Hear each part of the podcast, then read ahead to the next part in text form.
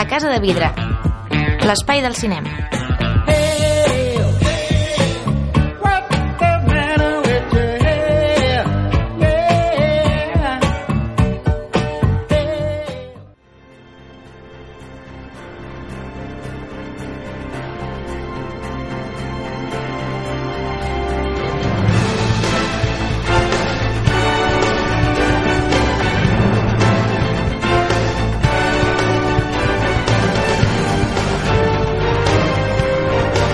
Hola, benvinguts una setmana més a la Casa de Vidre. Comencem forts amb aquesta potència de la banda sonora de Elegidos para el Triunfo, banda sonora de Hans Zimmer, a qui dediquem aquest mes de maig.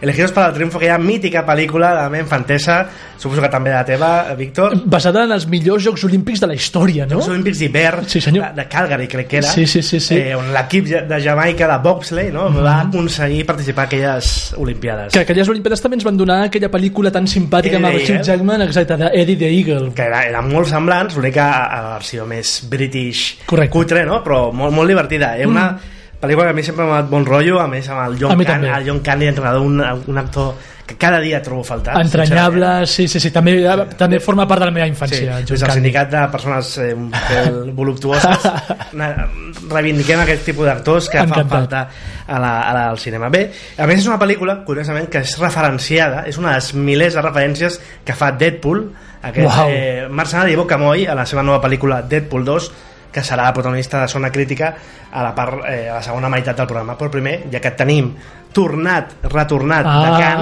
parlem de Cannes. aprofitarem, com que ets el festivalman no, de, del, del programa, per fer que ens facis això, un, la, la teva crònica o el, te, el teu comentari d'aquest nou festival de Cants. Però bé, això serà, òbviament, després dels, de, del, d'aquest petit sumari que sempre ens agrada fer i que ens agrada acomiadar, eh, des, acomiadar amb la frase aquesta tan mítica de agafem els bàrtols i comencem. Dale.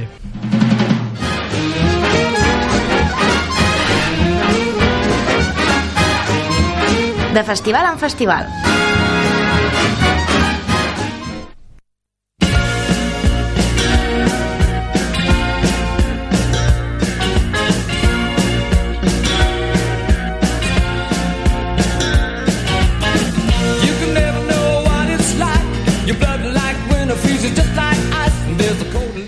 Elton John aquí cantant I'm Still ten, Standing encara estic aquí eh, que és el que deia, deia jo veient el, el, per Twitter el Víctor Ah. penjant coses de cant, quina enveja em feia i pensava molt en aquesta cançó que a més el videoclip va ser, era l'Elton John passejant per Can i molt mític Ideal, ideal, ideal per presentar la, la, la cita francesa. què tal eh, el teu eh, quin, quin número de Can és el personal teu? Eh, Qual, mira, jo, el, el meu primer cant va ser el de l'Àrbol de la Vida.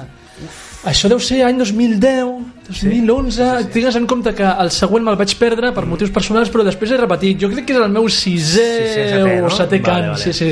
i entre aquests 6-7 eh, on, on el col·loques? Clarament et dic que potser el segon millor. Per mi el, el millor cant eh, el que he anat jo és, va ser clarament el de La vida d'Adele, que era, eh, va ser un festival espectacular, escandalós, en el sentit de que, sobretot a, partir de la tercera jornada, mm -hmm. torna, me'n recordo que jo i els meus companys de pis, eh, aquests pis patera que compartim els millor no... freelance, Deixem una miqueta com a... mantenim el glamour. Ma glamour, Elton John, Vinga, va, Can, sí, ma- mantenim la mentida del glamour. allò de bon veure. Perfecte. Quan Aquests tornàvem amb la limusina al, al nostre Exacte. hotel, eh, aquella edició de, de, repeteixo, de la vida d'Adele era escandalós perquè cada, cada vegada que tornàvem era uau, acabem de veure la Palma d'Or i el dia següent, uau, acabem de Veure... a saco, clar. Eh, Al final, vida ho hem comentat algun cop, no? que clar, és com... Són fornades, no? I a vegades Correcte. és molt difícil, no? Sí, sí, sí, sí. Com a la cantera del Barça, però al final...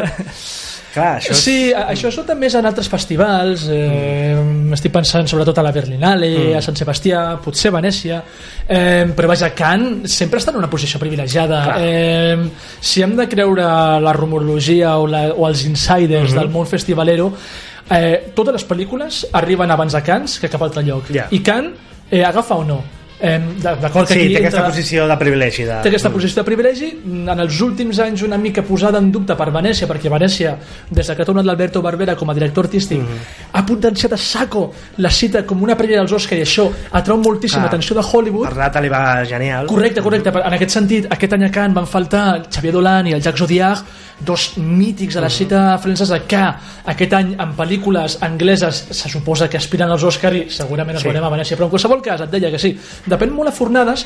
Aquest any va començar una mica amb el bajón, no? perquè, perquè una mica el que- el que t'estava comentant entre la guerra que va haver-hi amb Netflix, Sí.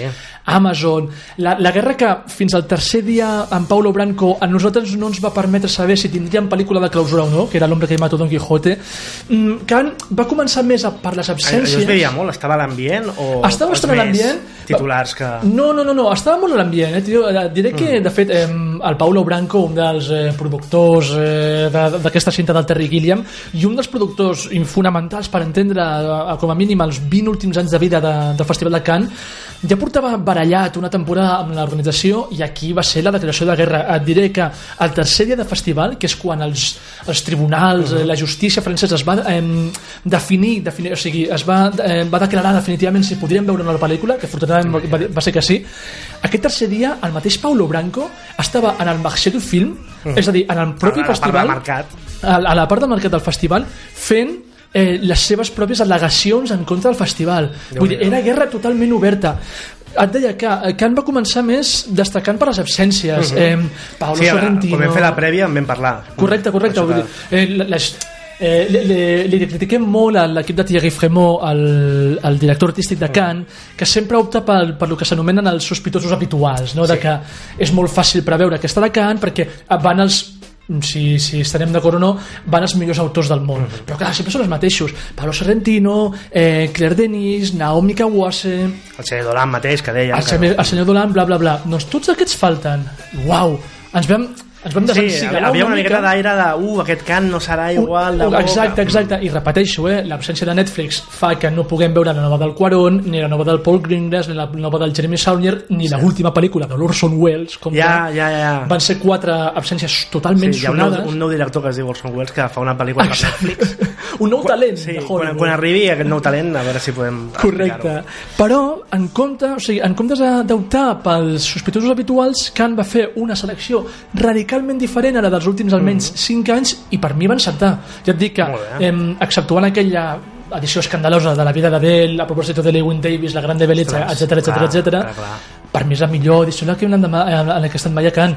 Des d'Àsia tenies el Lee Chandong, que feia 8 anys que no feia cap pel·lícula, tenies el, el Jason Ke, tenies el Hirokazu Koreeda, que va ser Mhm. el que finalment va guanyar, tenies el Jafar Panahi, autors que van rendir altíssim nivell. Jo, jo, jo torno, com sempre, agotat, molt Sí, home. Perquè, perquè és el que toca. Era una fe que va arribar a les 7 del matí, més o menys a Barcelona, i a les 10 ja estava un passe de premsa. Correcte. O sigui, que me'l podria haver estalviat, eh? però, però bueno, creus? sí. Ah, sí, no, no, sí, no, sí. A mi em va, em va condir. Sí? Però, Ah, eh, en qualsevol això, cas- Ídol, aquí mateix eh, Moltes declarat gràcies, Guillem. al Víctor. Moltes gràcies. En tot cas, això, mm, si, si deixem a mirar, a, a, abans d'entrar més en Palmarès, Sí, o, o, sí.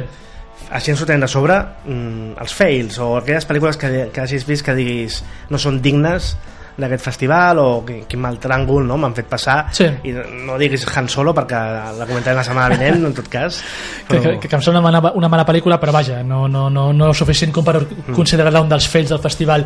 Jo consideraria un gran fail la, la pel·lícula de la Eva Usong, eh, Las hijas del sol, eh, pel·lícula que estava a la competició oficial. Eh, se li va criticar molt a Cannes la poca mm, paritat de directors i directores a Ja. competició de, de 20 treballs que hi havia competint per la Palma d'Or, només 3 estaven firmats per dones, el de l'Eva Usson, el de la Nadine Lavaki i el de la el grandíssima Alicia Rockratcher. Eh, per mi el de l'Eva Usson va ser un d'aquests treballs intolerables. Eh, és una pel·lícula basada en la, en la, en la guerra de Kurdistan i en una tropa de soldats dones que combaten vale. Per les seves mogudes que, que, que vaja, que jo, jo crec que la pel·lícula ho té totalment encertat. A mi em sap greu que Cannes, sent un, un festival que pot triar tot allò el que vol que sigui que, que, que de la collita francesa és una pel·lícula francesa i de la collita diguem-ne femenina això sigui el millor Ja. que pugui trobar em, junt amb la de Nadine Lavaki que insospitadament va acabar guanyant el premi de, del jurat i va ser una de les grans candidates a la Palma d'Or junt amb la Nadine Lavaki van ser per dir dues pel·lícules totalment indignes aquesta la que et deia, l'Hijas del Sol i Cafarnaum Premi del jurat de, de Quincena de... no, no, no, premi del jurat de la competició va ser per la Nadine Lavaki per, per, per Cafarnaum Vale, vale. i et dic en que sempre dic, Ah, vale, clar, premi al jurat i gran premi al jurat. Veus? Correcte. Sempre em lio. Sí, eh, és per entendre's, Sí, sí, la Palma tens tota d'Or la és, raó, sí, sí, és, sí, és el premi a la millor pel·lícula, Sí, sí, sí. El, premi, el gran premi del jurat és el premi a la segona millor pel·lícula i el premi del jurat seria com la medalla de bronze. Sí. És que, clar, gran premi al jurat. Correcte, sí, correcte. Eh, un gran premi al jurat que va anar eh, precisament a Spike Lee amb el Ei, Black Clansman. Eh, Spike a mi el tràiler em va molar, però clar, no deixa de ser un tràiler. eh, A mi- a mi m'agrada. Com la... Eh, No està al, al teu top 10? L'estiu veient, No, està en el meu top 10 perquè em sembla que és un thriller bastant fallit, però sí que he de dir que és una comèdia per mi molt encertada. I perquè- li senta bé, no? Perquè eh, Totalment. estava també una miqueta perdudet. Sí, sí, però compte, estava molt perdut en, en, en els radars eh, comercials, però és un tio que Està mai ha parat coses de stand-up documentals, rares, exacte. Netflix. I, I de fet, per exemple, fa dos anys va fer una pel·lícula amb el, amb el Samuel L. Jackson que es deia Chirac, Chirac, que era... sí, eh, o Sí, a Chicago amb Amb Iraq, Iraq, sí. no? que era l'Isístrata portada Sí, senyor, correcte, que, que la van veure, potser, eh, jo la vaig veure a la Berlinale i em va semblar una pel·lícula molt, però que molt reivindicable. És un tio que l'Spike Lee que sí, que una mica s'havia pagat, sobretot, a veure, és un home que en els seus primers anys de carrera va estar puntíssim de guanyar la Palma d'Or, per exemple, amb Haz lo que debes, no? era un dels cineastes top a nivell mundial. Sí que s'havia pagat una mica, però aquí va venir amb Black Clansman, amb, repeteixo, amb un thriller una mica pertosillo, però amb una comèdia sobre un... Sobre, basada en fets reals, sobre un eh, policia mm, negre que es va infiltrar al que en la dècada dels, dels anys 70 es va infiltrar a, a, la, en el Ku Klux Klan eh, jo em vaig riure moltíssim i t'he de dir que a nivell de públic eh, va ser la sessió més patada de tot el festival és curiós, no? Un premi al jurat cap a una pel·lícula més mainstream, entre cometes, no? Més, però potser també la influència nord-americana, no? Aquí sí, no, no, i, i també és una pel·lícula molt reivindicable en el sentit de que El discurs anti-Trump, Exacte, el- té molt, o sigui, tota la pel·lícula són punyalades constants a l'administració Trump i, i, jo reivindico moltíssim que a l'Spike Lee s'apropi al tema de les tensions racials Mhm. des, de la, des del riure i no des, de, no des del cabreig. no? Sí, perquè clar, el Calvet ja ho va fer, ja, ja, ell ja va estar cabrejat. Sí, sí, sí, se li dona molt bé, eh? però, però a mi I potser ara hi m'agrada... toca altra gent, no? Està cabrejada més Correcte. Jordan Peele per entendre'ns, Sí, no? senyor, molt bé. O Donald Glover amb Atlanta, que no em cansaré mai de recomanar aquesta gran sèrie. Eh. I, i per això, sí, per això almenys el trailer sí que em va, hòstia, em va semblar que li sentava bé a l'Spike Lee Totalment. ja quan veiem la pel·lícula ja, ja serà el temps de comentar en quant al palmarès oficial eh, Coreeda Mhm. Sí. el Gran Premi, Va- Shoplifters va ser- la, veig que està entre el teu top 10 personal el Sí. número 6, per tant Va, va ser una palma d'or... agree no? amb, el, amb el jurat Sí senyor, totalment emocionant, eh? sobretot perquè durant tota la tarda en què es va donar el palmarès va córrer el rumor de que la Nadine Lavaki amb Cafarnaum seria la guanyadora de la Palma Mhm. ja d'Or veies cosa que a mi em sembla una cosa indigna em sembla una pel·lícula feta per una mala persona és una, és una pel·lícula que regodeja molt en la misèria humana eh, en els carrers de, de Beirut és una pel·lícula que, re- que acompanya dos nens deixats de la mà de Déu i d'Alà en, la, en, la, en la vida de, perríssima de, de Beirut tothom pensava que guanyaria la Nadine Lavaki i al final va guanyar una persona tan bona i Sí, tan és això, pura a mi jo em vaig alegrar molt sense haver vist la pel·lícula perquè és, tota la seva carrera m'ha agradat moltíssim a més desprèn aquesta ent- és entranyable té el té aquest pozo clàssic al Hirokazu. Coreeda i té Tot sobretot així, una fe en la bondat sigui, el humana clàssic sí, intenta provocar cosetes eh? Sí, sí, sí, sí, sí. la última, el tercer assassinato que tampoc era hiperlluïda hòstia, et plantejava coses Totalment, Això- totalment. Aquí en Shoplifters és una mica el retorn als orígens o, o, o allò que se li dona millor al Coreeda, és un drama totalment familiar,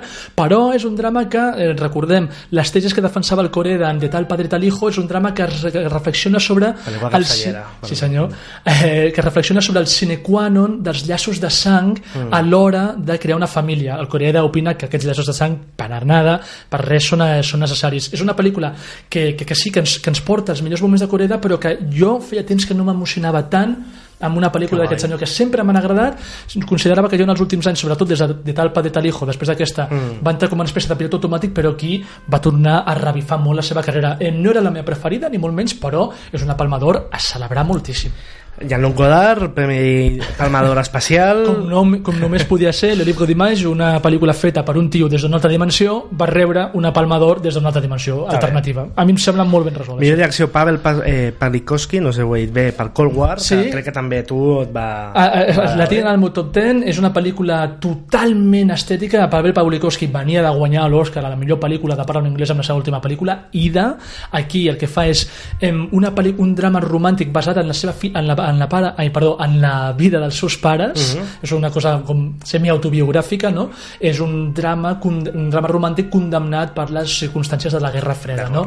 eh, a nivell de guia una mica fluixa però a nivell estètic tot el que veus i tot el que escoltes és pura bellesa premi de la millor direcció per mi merescudíssim Millor actor, Marcelo Fonte per Dogma, de Mató Garrona, i millor actriu, Samal Yes la Yomova, per Akia, de Sergei eh, Dostoevoi. Sí, senyor. Què- què opines d'aquesta? En, el, en quant al Marcello Fonte, una de les, un dels grans descobriments de- de- d'aquest cant, el Matteo Garrone torna també Mhm. com una mica al Corea als seus orígens, després de Tale of Tales, després de Reality, reprèn una mica aquests ambients tèrbols, mafiosos de Gomorra, Primo Amore, l'Imbalsamatore, Mm. d'acord?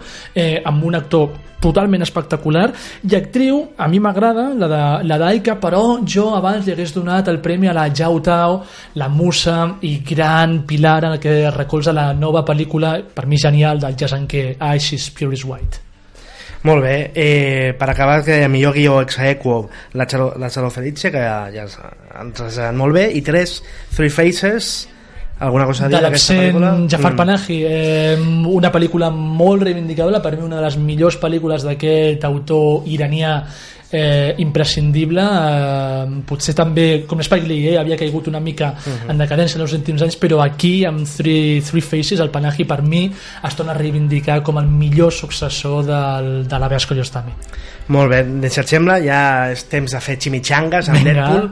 Merci, com sempre, per portar-nos tot el tema dels festivals.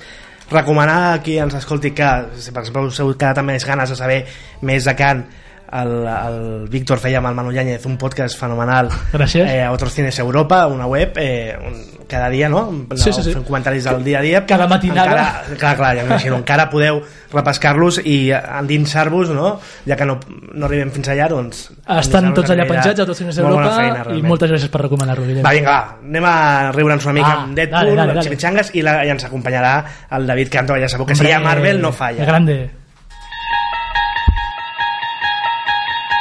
La zona crítica.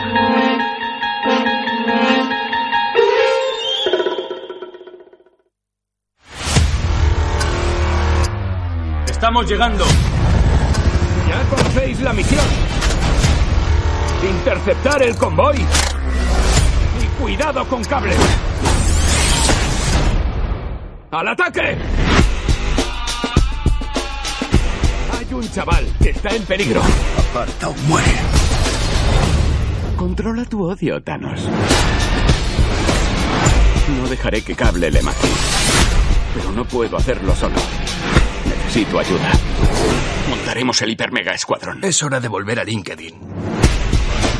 Ja ho sentíem al tràiler, eh, una referència a Thanos, eh, perquè Ryan Reynolds barra Deadpool és un superheroi molt bocamoll, que, mm, un antiheroi, diguéssim, antisuperheroi, que fa constants referències a la cultura pop, a la cultura dels còmics, en format pel·lícula, doncs, altres pel·lícules de còmics, i resulta que en aquesta pel·lícula emparellen amb un personatge al cable, que interpretat per Josh Brolin, que és, que és Thanos, fa res, 20 i pocs dies eh, Déu-n'hi-do quin mes de, de maig i d'abril per... Està rebentant la taquilla, però bé. és Brolin. Eh, David, què tal? Molt bé, molt bé. Jo també, mira, mentre us escoltava acabar parlar de Cana, jo també estava a punt de dir això, de recomanar els podcasts aquests d'Otros Cines d'Europa, que no els he escoltat tots, però Gràcies. Va, ja està. de felicitar i aplaudir, eh? Ja està, en què ho gravaven. Eh? Gràcies, David, gràcies. No, no, això és el que té mèrit, perquè eh, la, els que hem estat algun cop a festivals sabem que el ritme és mortal, no, el següent, i, Costa, ostres, costa. em trec el barret. moltes gràcies, tio. I, i lligant-ho amb Deadpool, amb, Deadpool amb, el, amb el ritme també, jo anava apuntant algunes de les referències que anava veient, però al final ho vaig deixar estar, perquè és que era impossible. És, han multiplicat per mil les, les referències, la, els acudits meta, i, i fins a un punt que, que, que, que inclou tot l'univers X-Men i se'n riu d'aquest univers, però també, a més a més, doncs, uh, ho amplia a, a, a l'actor, a Ryan Reynolds i a tota la resta de, de pel·lícules de superherois i d'altres uh, pel·lícules també. I també, a més a més, hi ha moltes referències a musicals, Sí. sorprenentment. Mm-hmm. Gentle, Per exemple, o sí, sí, aquesta gran Streisand. 9 to 5... Eh, Sí, senyor. Hi ha una Potter. molt amagada a Los Miserables, eh? també, eh? sí? Aquesta no l'he pillat. Sí, hi ha un número de pres que, si us hi fixeu, mm, és el de Jean el Jean Valjean. Valjean. Ostres. Tu estaves pensant en la pel·lícula de Michael Keaton, potser? La, de, la que sortia de la cançó aquesta de Dolly Parton? No, na- no, la pel·lícula 9 to 5 és una pel·lícula amb la Lily Tomlin i un altre tio, no Ah. recordo ara, que, era, que es barallaven els, com, algú amb el jefe, es barallaven amb el jefe... Bueno, era com, bueno, una comèdia sobre... Ah, la Jane Fonda, clar, clar. Era una comèdia sobre les zones a l'entorn laborable, no? Mhm. En 80, crec que era. Eh, escolta, és una, te- jo, jo, un- una frase Digues, que, que digues, em- tenia amb la pel·lícula que és amb les seqüeles normalment una opció és fer eh, el mateix però augmentat, no? Més, com més millor, és un mantra de moltes seqüeles. En aquest cas crec que pel personatge, pel tipus de projecte, és un mantra que li senta bé, el, el més és, és millor, no? Està fet per això, mm. era Deadpool, és un tio que, que viu molt de la saturació, no? Mm. Eh, M'agrada molt que comenceu parlant de les referències, Deadpool, al- almenys les dues pel·lícules jo crec que viuen d'això, eh, és una mica com la Ready Player One, no? Que, que, Mhm. que, que vam començar tots molt al·lucinats amb la llibreteta i al cap de 5 minuts vam dir, bueno, va, ja prou. Sí. Jo, a mi em va passar el mateix que, que el David Cando. Eh, jo vaig interpretar, jo que no estic tan iniciat en el món dels superherois, de que el, el superpoder del Deadpool és, és trencar la quarta paret. Sí. Vull dir, sí, sí, regeneració, força i tot això, vulguis, però però- vull dir, el, el superpoder d'aquest tio és, en el, en el cas cinematogràfic, mirar la càmera i sortir-se de l'acció, no? Vull dir, és veure el cable i dir, ei, tu eres Thanos, no? Sí. Lo qual, en una època de tanta saturació i inclús intoxicació de superherois, em sembla una pel·lícula gairebé terapèutica. Per què? Perquè jo, sempre que vaig al cinema, veig la pantalla invaïda de superherois. El que fa el Deadpool és treure'm d'aquesta pantalla i riure's amb molt carinyo, però riure's de tot aquest món. Jo està, està saludo molt aquesta pel·lícula. no és contraproduent no és que es carrega a l'estat actual dels superherois No, no, no, és, no. ho fa que es retroalimenti encara més perquè Correcte. de fet l'estat actual també del públic amb els superherois és, és molt postmodern no? inclús dins les mateixes línies eh, pe- pel·lis més serioses de Marvel no? ells mateixos també reposen molt en les referències Sí, senyor. argumentals per tant, I, i al mateix tot. temps, el, quan promocionava la pel·lícula ja deia que obriria tot un univers, semblava que, que feia broma, perquè, clar, mai saps uh, què diu de, de cert i què, i què és promoció, però realment sí que és veritat que, que ajuda a, a destensionar i, a, i a, bé, a, veure amb més perspectiva tots aquests superherois, però de la mateixa manera també introdueix tot de personatges nous, perquè la primera pel·lícula Sí. se'n fotia ell mateix de que no tenien pressupost per posar més, més que tres Sí. X-Men en total. I ara aquí introdueix tot un univers nou de personatges, el- la, la X-Force, que és un altre grup també molt conegut de, dels còmics. Amb un gran I cameo. que, i que sí, sí, que no desvetllarem. I que això et pot obrir doncs, a, a pel·lícules independents i, a més a més, que alguns d'aquests personatges tinguin pel·lícules pròpies, alguns d'ells molt interessants. Tant de bo. a nivell de pel·lícula us ha semblat eh, millor que la primera, igual, pitjor A mi m'ha agradat més, en global m'ha agradat més. He Crec- rigut més i m'ha interessat més el, la història, fins i tot. i està millor, a mi m'ha agradat molt a nivell d'acció està millor filmada això, Ah, això que deuen tenir És més el- pressupost, i és el director no? de John Wick que inclús també fan referència no? el director, el hombre que mató el perro El pere de John Wick, de es nota, sí que és veritat que per mi el tercer acte sí que és el típic ja de combat que fatiga una mica Mhm. però les altres escenes d'acció brutals A, a, a mi, ho dic així de, de, de clar, a mi, a mi m'agrada més la, la, la primera pel·lícula, eh, em va agafar molt més per sorpresa. Clar, també potser per sí, també potser és cert que em vaig riure més aquí perquè jo crec que, que, Clar. que, que calcula molt bé l'escalada aquesta de, de, de, de cafrades a la que t'has de sotmetre una, en aquest cas una, una segona part. Em va riure més, em va sorprendre més la primera pel·lícula. Aquí potser li vaig trobar un, una, unes notes potser massa sentimentals, en alguns moments, òbviament, Sí. sí. Molt puntuals de la sí, pel·lícula. de, de fet comparat amb el còmic no, David, l'han fet molt sentimental aquest Deadpool Sí, sí, de, evidentment segueix sent un bocamoll, com deies, però té, han de, han de atreure a, a més públic que no pas el del còmic. De fet, el del còmic, a banda de trencar la quarta paret, el còmic també té unes veus al cap que, Sí. que li parlen i, i bé, és un, és un personatge molt diferent.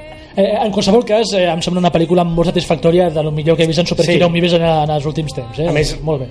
és el que, el que proposa ho compleix que és passar-nos-ho bé jo entenc que si potser no és un joc que si no entres mm, no t'interessa res però per poc que entris i et deixis anar una mica ja, el, el que promet no? que és gaudir ja, ja t'ho entrega Sí, senyor. David, eh, per acabar quina nota i reflexió final li poses a Deadpool 2? Doncs jo li posaria un 7 o un 7 i mig, potser, i la reflexió és com, com deia el Víctor, després de l'avorriment de Justice League i la solemnitat de- d'Infinity War, doncs eh, està bé tenir una mica de distensió i Ryan Reynolds ha aconseguit el que molts no somiaven que tindríem Ja, a, a l'univers Marvel. Nota, Víctor? Eh, jo un set i, i em pregunto, ara que la Disney ho està comprant tot, és possible veure a Deadpool en qualsevol altra pel·lícula? Suposo que no, perquè t'ho trenca absolutament tot, Eh, no? Però no sé quins plans hi ha. Veurem, perquè la compra aquesta Disney Fox Ahà. està on hold, que diuen Vale, els americans, vale, vale, vale. i hi ha un gran competidor que és Comcast, que en comptes de posar accions, que és com ho fa Disney, posa cash, Oh. en efectiu. I encara... Però bé, això encara queda temps. Jo, li poso, sí, jo li poso un set i mig, Bien. i bé, abans d'acomiadar-nos, dir-vos que s'estrena Han Solo, la comentarem la setmana Mhm. vinent, és una crítica, Disobedience, el Sebastián Leilo, o Lelio, Lelio, eh, Lelio El doctor de la felicitat, si sou fans d'Omar sí, no us la podeu perdre, i La xica en la niebla, per exemple, amb un gran Toni Servillo. Tot això i més aquesta setmana, però seguirem la vinent i les que calguin aquí fent cinema. I bé, moltes gràcies, eh, David, Víctor, ens trobem aviat. A tu. Fins la propera. Adéu, que vagi bé. Ciao. Adéu.